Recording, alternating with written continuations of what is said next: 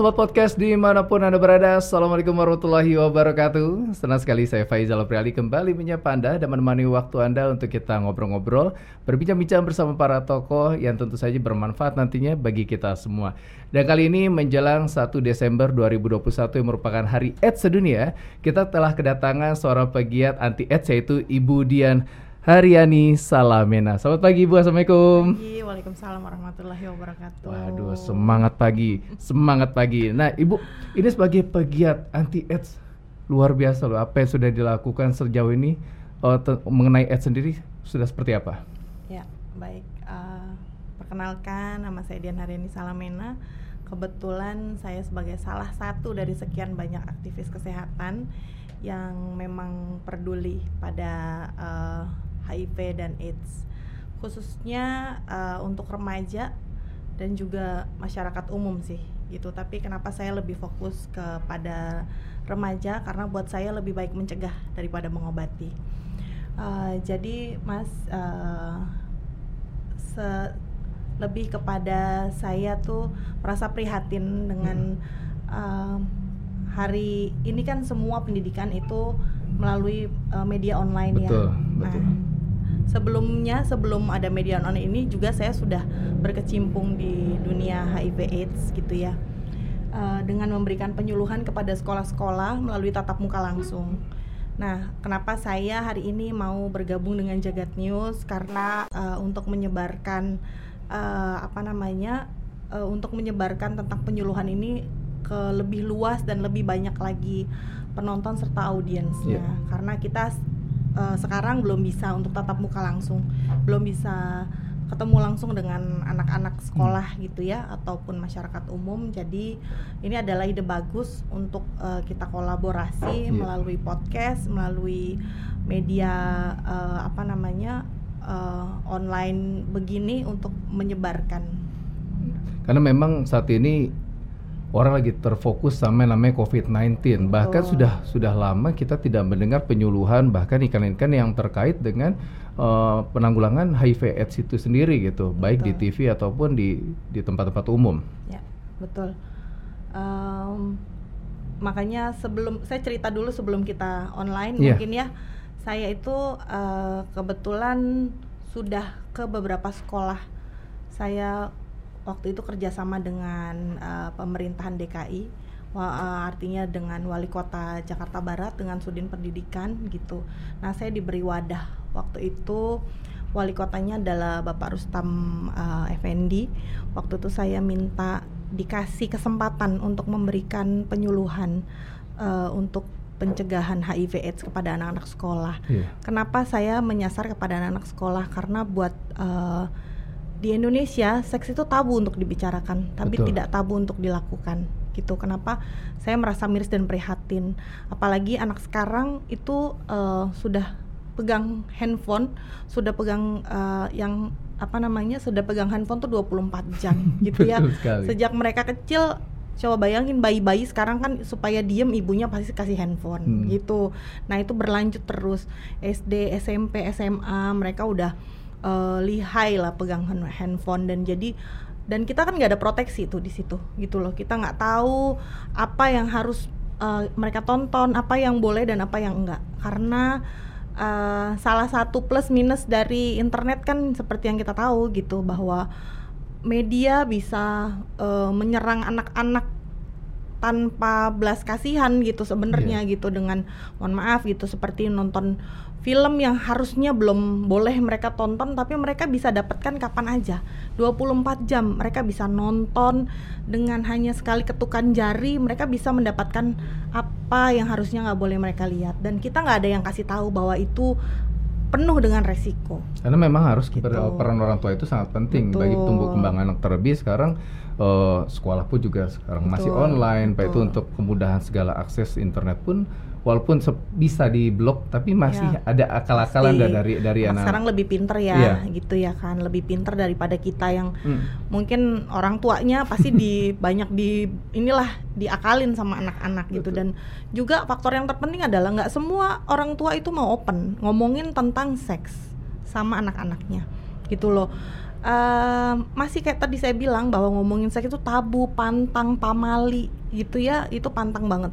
Dan anak-anak Indonesia tuh sebenarnya kasihan, nggak punya tempat aman dan nyaman buat nanya sebenarnya. Jadi kalaupun sampai perilaku mereka misalnya menyimpang dan perilaku mereka misalnya bisa menimbulkan resiko terkena penyakit HIV/AIDS karena mereka juga tidak disuguhi gitu loh, tidak dikasih tahu bahwa ini salah, ini bener, ini nggak boleh dan itu nggak boleh gitu kan.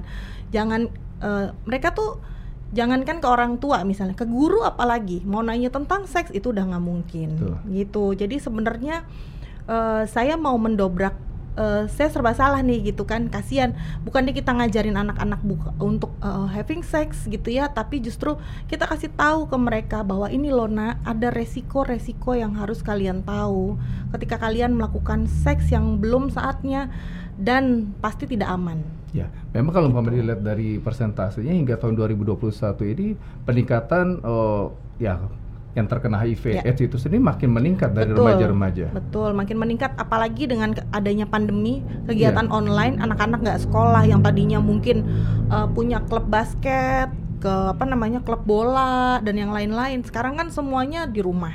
Nah, uh, ada titik bosan sama anak-anak yang mungkin jadi ketemu lah pacaran lah misalnya hmm. gitu keluarlah dari rumah pacaran dan kita nggak tahu mereka ngelakuin apa gitu yeah. kan iya. jadi peningkatan boleh dilihat di beberapa media juga angka perkawinan dini tinggi angka kehamilan yang tidak diinginkan itu juga tinggi menimpa anak-anak remaja karena itu tadi karena kekosongan waktu pada saat online sekolah sampai jam berapa sedangkan kegiatan-kegiatan yang lain kan memang off ya selama pandemi. Hmm. Sementara edukasi mengenai HIV AIDS itu sendiri ada sekarang susah sekali. dan Ibu Dian sendiri ada membuka yayasan untuk uh, mengatasi hal ini. Betul, di 2019 akhirnya saya mendirikan sebuah yayasan, Yayasan Nurani Hati Peduli. Hmm. Uh, konsentrasi saya sih lebih kepada lebih baik mencegah daripada mengobati, Mas. Jadi saya lebih kepada ke sekolah-sekolah, kasih tahu edukasi buat anak-anak hmm. gitu ya.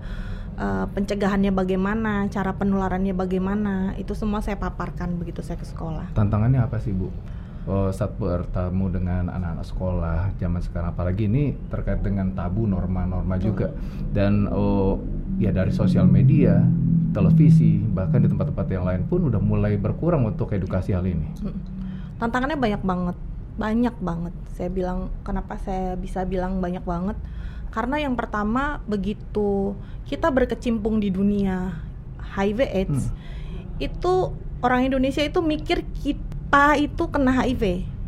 Oh, okay. Itu tantangan. Stigmanya langsung hmm. miring, hmm. bukannya oh terima kasih ya udah ngajarin kita edukasi gitu. Jadi orang mikirnya kamu kena HIV ya gitu. Hmm. Karena di Indonesia itu orang peduli katanya kalau udah kena dulu.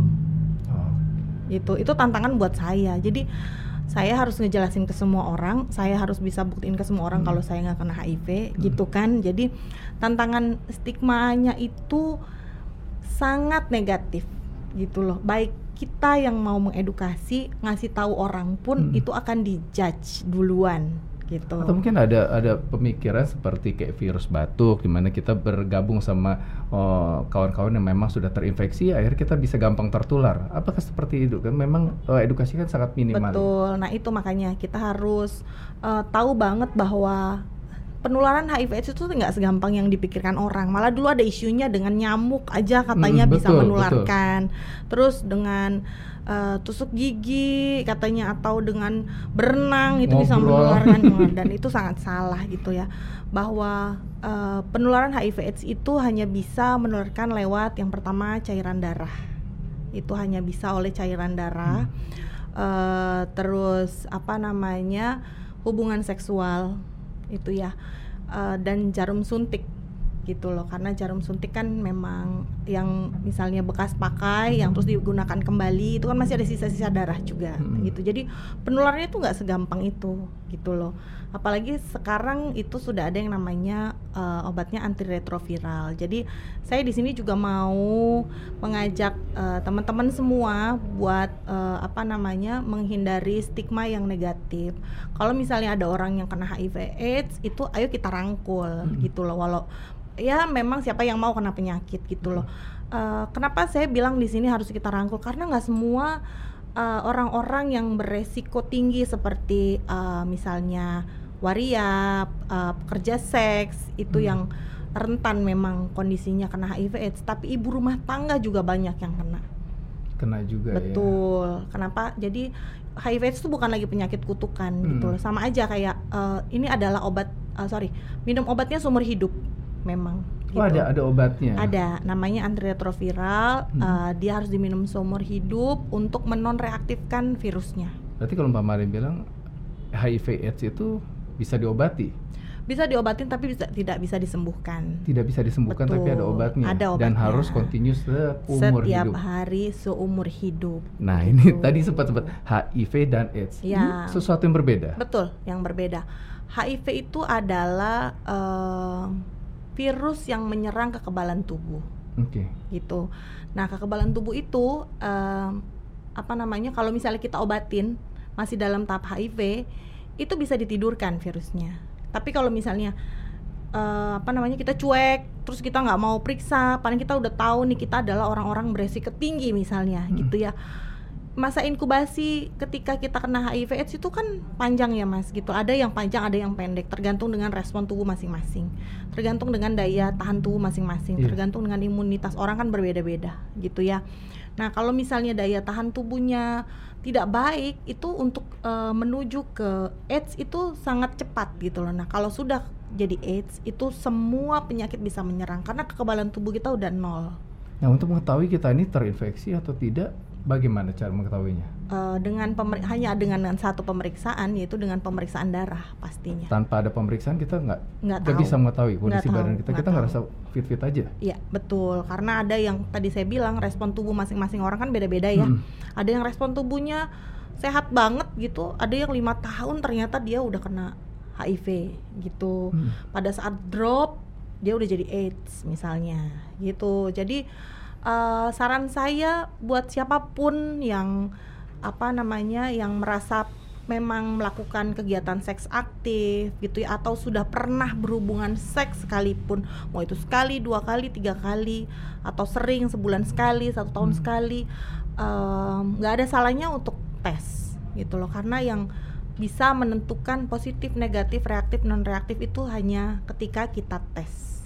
Gejala yang paling kelihatan umum tanpa kalau umpama kita tidak memeriksakan diri kita hmm. tapi kita kok nggak enak nih? Biasa gejala umumnya itu seperti apa bu? Biasa sih yang pertama pasti um, seperti penyakit pada umumnya sih meriang, meriang. demam dan diare.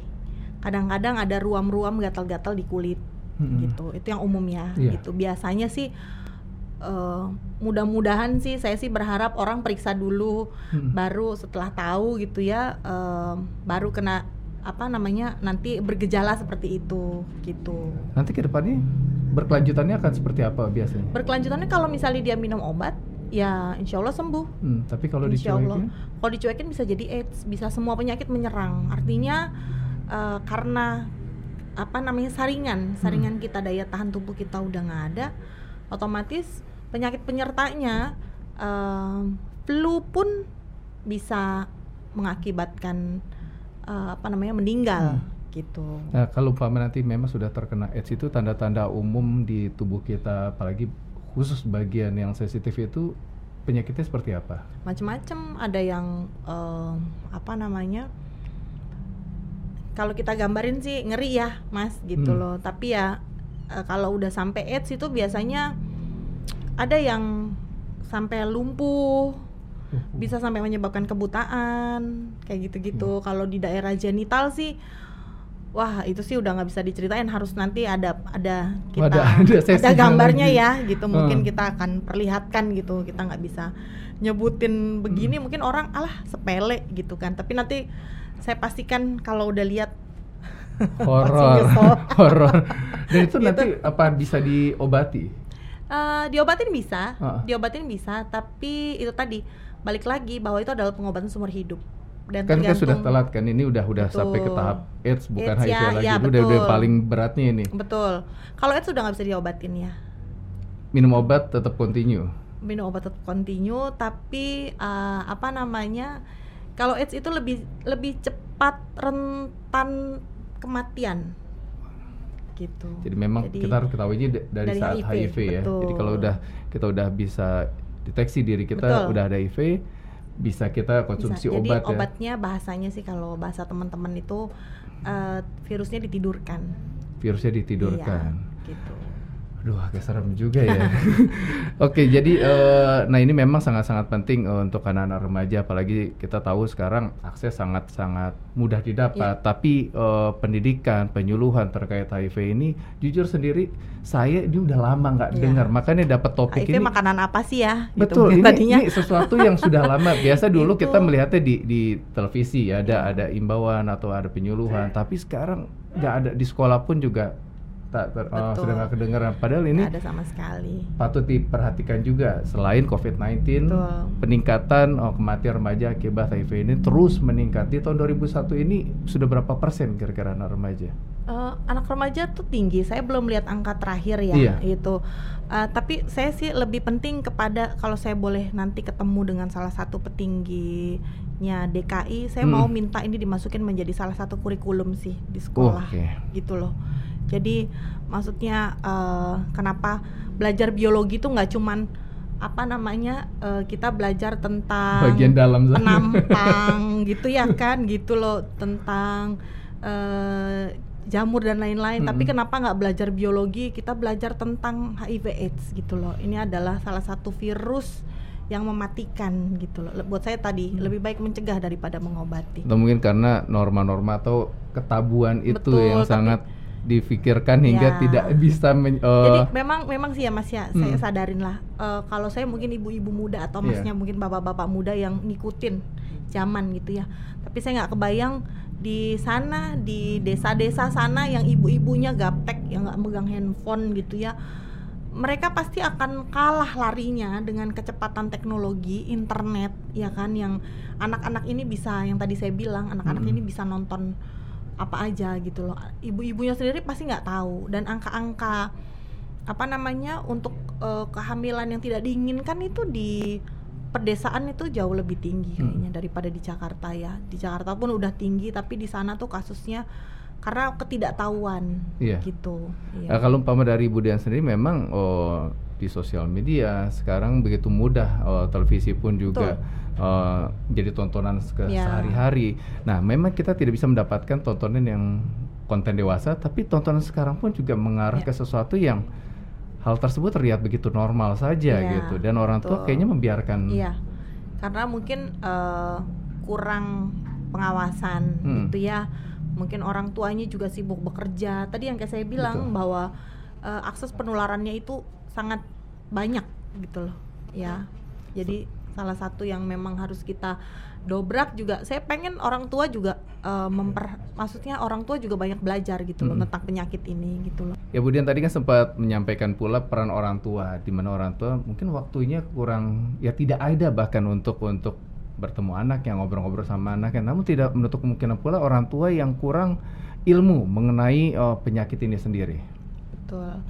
Uh, kalau kita mau men menarik benang merahnya yeah. adalah uh, kita memang dihantam oleh tradisi ya mas. Pasti zamannya saya sekarang zamannya mas dulu juga uh, pasti sama orang tua juga sama memperlakukan hal yang sama. Bahwa ngomongin seks itu tabu.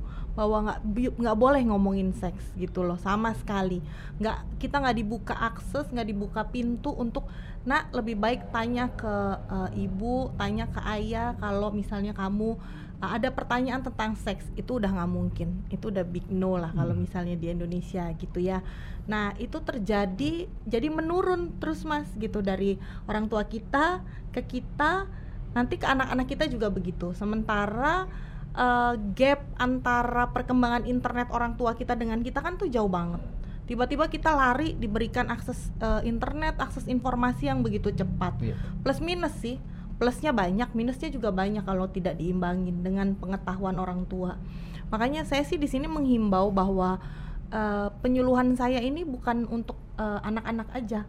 Yang lebih penting orang tuanya gitu loh. Karena kalau begitu podcast kita selesai misalnya kalau ada pertanyaan harusnya mereka bisa kembali ke orang tua atau kembali ke guru gitu. Jadi harusnya orang tua itu dua langkah lebih maju dibanding anak-anaknya untuk tahu tentang uh, penyakit menular seksual ya mungkin ya karena itu tadi ya. oh, turun menurun aku pun juga memang waktu zaman masih uh, punya orang tua masih kecil itu uh, kayaknya tabu sekali ya. dan berat ingin ingin ya. menanyakan suatu hal yang terkait dengan uh, seksual itu agak-agak tabu dan agak berat untuk menyampaikan ke orang tua. Ada orang tua pun juga memang ya kurang bisa memberikan uh, pertanyaan edukasi terkait hal ini gitu. Ya mungkin kurangnya ilmu ya. dan kurangnya informasi terkait uh, saya masih inget malah dulu waktu masih zaman sekolah ya. masih kecil selalu dibilangnya kayak gini hati-hati ya nanti kalau kamu dipegang tangannya bisa hamil. Misalnya kayak gitu. Ya kan? Itu it happen gitu loh. Hmm. itu yang saya alamin. Jadi saya pernah guling-guling dulu pulang sekolah kenapa kamu? Gitu nangis-nangis gitu kan iya aku dipegang tangannya aku takut hamil gitu hmm. kan karena orang tua juga nggak memberikan pelajaran seks yang bener ke anak-anaknya gitu karena tadi pantang gitu loh hmm. nggak hmm. boleh sedikit pun ngomongin seks apalagi uh, apa namanya Indonesia salah satu negara yang agamis gitu kan banyak sisi-sisi pemahaman yang ini sering terbentur nih mas saya di sini nih yeah, yeah. di salah satu sisi kita mau ngasih tahu kenyataan yang hidup sekarang nih gitu melalui media yang banyak itu sementara satu sisi nggak boleh ngomongin gitu gitu loh jadi memang tantangan kalau tadi mas tanya tantangannya tantangannya banyak banget yeah. gitu loh tak hanya dari uh, sosial media Betul. ataupun uh, media TV online tapi juga kita lihat ya tempat-tempat yang memfasilitasi untuk yeah. uh, ya bisanya terjadi hal penyebaran HIV ini juga begitu mudah. Begitu mudah, begitu banyak gitu hmm. ya. Jadi um, saya sih cuma pengen bilang bahwa uh, penyebab gini, kalau ditanya gimana sih cara yang paling efektif uh, untuk menghindari HIV/AIDS? Yang pertama mungkin jawabannya agak mengagetkan. Di satu sisi mungkin nggak boleh ngomong begini, tapi ini yang terjadi sekarang bahwa yang pertama adalah menggunakan kondom sebenarnya gitu loh uh, kita nggak bisa bilang eh itu ngajarin seks gitu kan. Karena kondom itu digunakan hanya untuk orang yang sudah menikah. Sebenarnya penularan yang pertama adalah dengan tidak melakukan hubungan seks. Itu itu pencegahan yang utama gitu loh.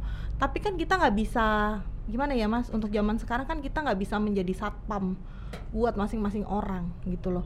Jadi um, saya itu nggak bilang bahwa homoseksual adalah penyumbang um, apa namanya uh, eh, HIV/AIDS karena hetero juga menyumbang hetero juga menyumbangkan angka yang sama gitu loh.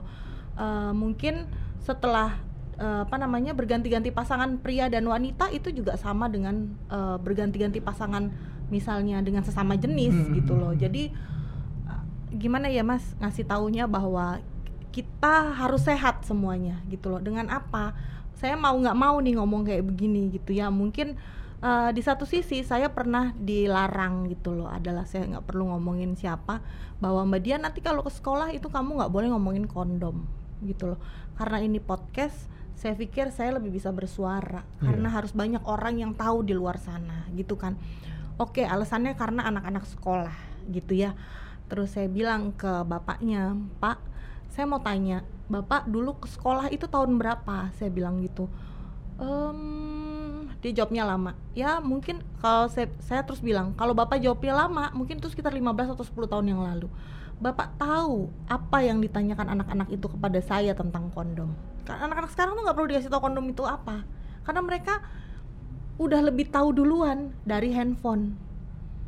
Dan bapak bayangin di supermarket supermarket yeah. ya itu saya bilang gitu bapak tahu nggak kondom itu jualnya di mana? Saya bilang kalau rokok itu taruhnya di belakang di belakang uh, apa kasir ya. Kalau kondom bapak tahu jualnya di mana? Depan.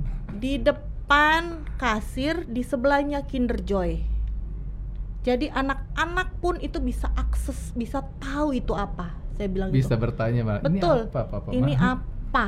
Itu anak saya pernah salah ngambil gara-gara dia pikir itu ada kondom yang rasanya macam-macam tutti frutti dia ambil mau itu sangkainnya permen gitu kan jadi saya pikir kita nggak perlu ada yang ditutupin untuk zaman sekarang dengan banyak podcast mm, artis-artis yang lebih vulgar daripada ini misalnya. Hmm. Mereka justru uh, justru kita harus menjadi media yang balance gitu loh. Kita harus mengimbangi uh, dengan kevulgaran mereka.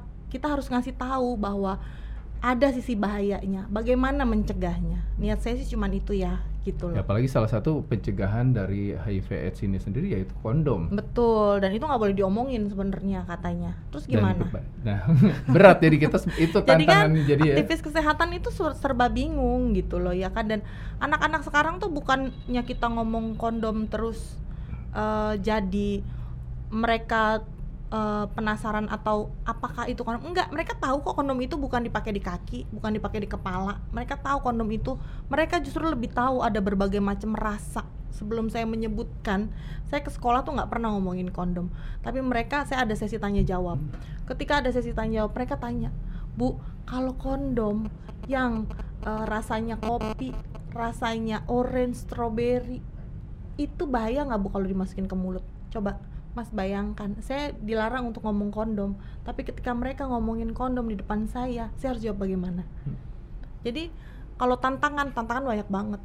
Dari mana-mana itu ada gitu loh untuk menyebar. Ya saya sih saya sih mikirnya untuk menyebar kebaikan begini memang pasti ada tantangannya lah. Ya kalau menurut Bu Dian sendiri sejauh ini kita sudah peduli apa sih uh, terkait dengan pencegahan HIV AIDS itu sendiri terlebih sosial media di lingkungan mana pun udah udah mulai minim untuk mensosialisasi dan juga ya penyuluhan terkait penyakit ini. Betul.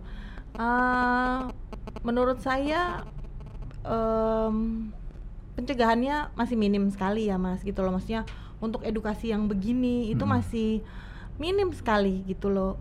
Uh, saya rasa lebih banyak orang um, saya rasa lebih banyak orang yang uh, mengantisipasi sesudah terkena gitu loh buat saya sesudah terkena buat apa diomongin lagi Betul. gitu buat saya lebih baik mencegah daripada mengobati gitu. jadi ya memang oh, plannya ke depan kita harus lebih banyak lagi mengkampanyekan hal ini betul sudah betul sejauh sekali. mana dari yayasan untuk melakukan hal tersebut uh, kita berusaha untuk uh, yang pasti ke sekolah-sekolah selalu hmm. saya itu uh, apa namanya uh, berusaha untuk menjangkau semua sekolah baik swasta maupun pemerintah dan alhamdulillah itu tadi saya bilang bahwa saya mendapatkan kesempatan waktu itu wali kota Jakarta Baratnya masih Bapak Rustam Effendi. Yeah. Saya harap next saya bisa menjangkau seluruh uh, apa namanya DKI gitu loh untuk uh, memberikan penyuluhan. Semoga terwujud ya Bu Dian ya. Dan mungkin ada yang ingin disampaikan untuk anak-anak remaja yang saat ini menonton ya untuk anak-anak remaja yang saat ini menonton percayalah nak bahwa eh, nggak uh, ada salahnya untuk kalian tahu begitu buka handphone ketik di sana misalnya apa sih HIV AIDS apa sih penyakit infeksi menular seksual gitu dan uh, apa namanya bahayanya itu apa. Nggak cuman serta merta internet itu uh, dipergunakan untuk melihat hal-hal yang memang belum perlu kalian lihat gitu loh. Tapi kalian juga harus tahu ada uh, kalau nggak berani tanya sama orang tua nggak berani tanya ke bapak dan ibu Uh, kalian bisa lihat Google yes, apa namanya kalian bisa tanya di sana. Bisa ada banyak media yang bisa kalian apa namanya uh, untuk tahu itu banyak sebenarnya kalau mau gitu ya. Percayalah bahwa banyak penyakit banyak resiko yang akan terjadi dan satu lagi uh, untuk walau apa namanya maupun anak muda maupun pelajar ataupun orang dewasa kalau sudah pernah melakukan seks aktif saya harap diperiksakan gitu loh hmm. periksa tes HIV gitu loh baik terima kasih Bu Dian banyak sekali yang sangat bermanfaat untuk kita semua. Baik, terima kasih pula untuk Anda semua, Sobat Podcast di mana pun Anda berada. Terima kasih sekali untuk Ibu Dian yang telah meluangkan waktu untuk ngobrol-ngobrol bersama saya kali ini. Baik, sampai jumpa dan sehat selalu untuk Anda. Wassalamualaikum warahmatullahi wabarakatuh.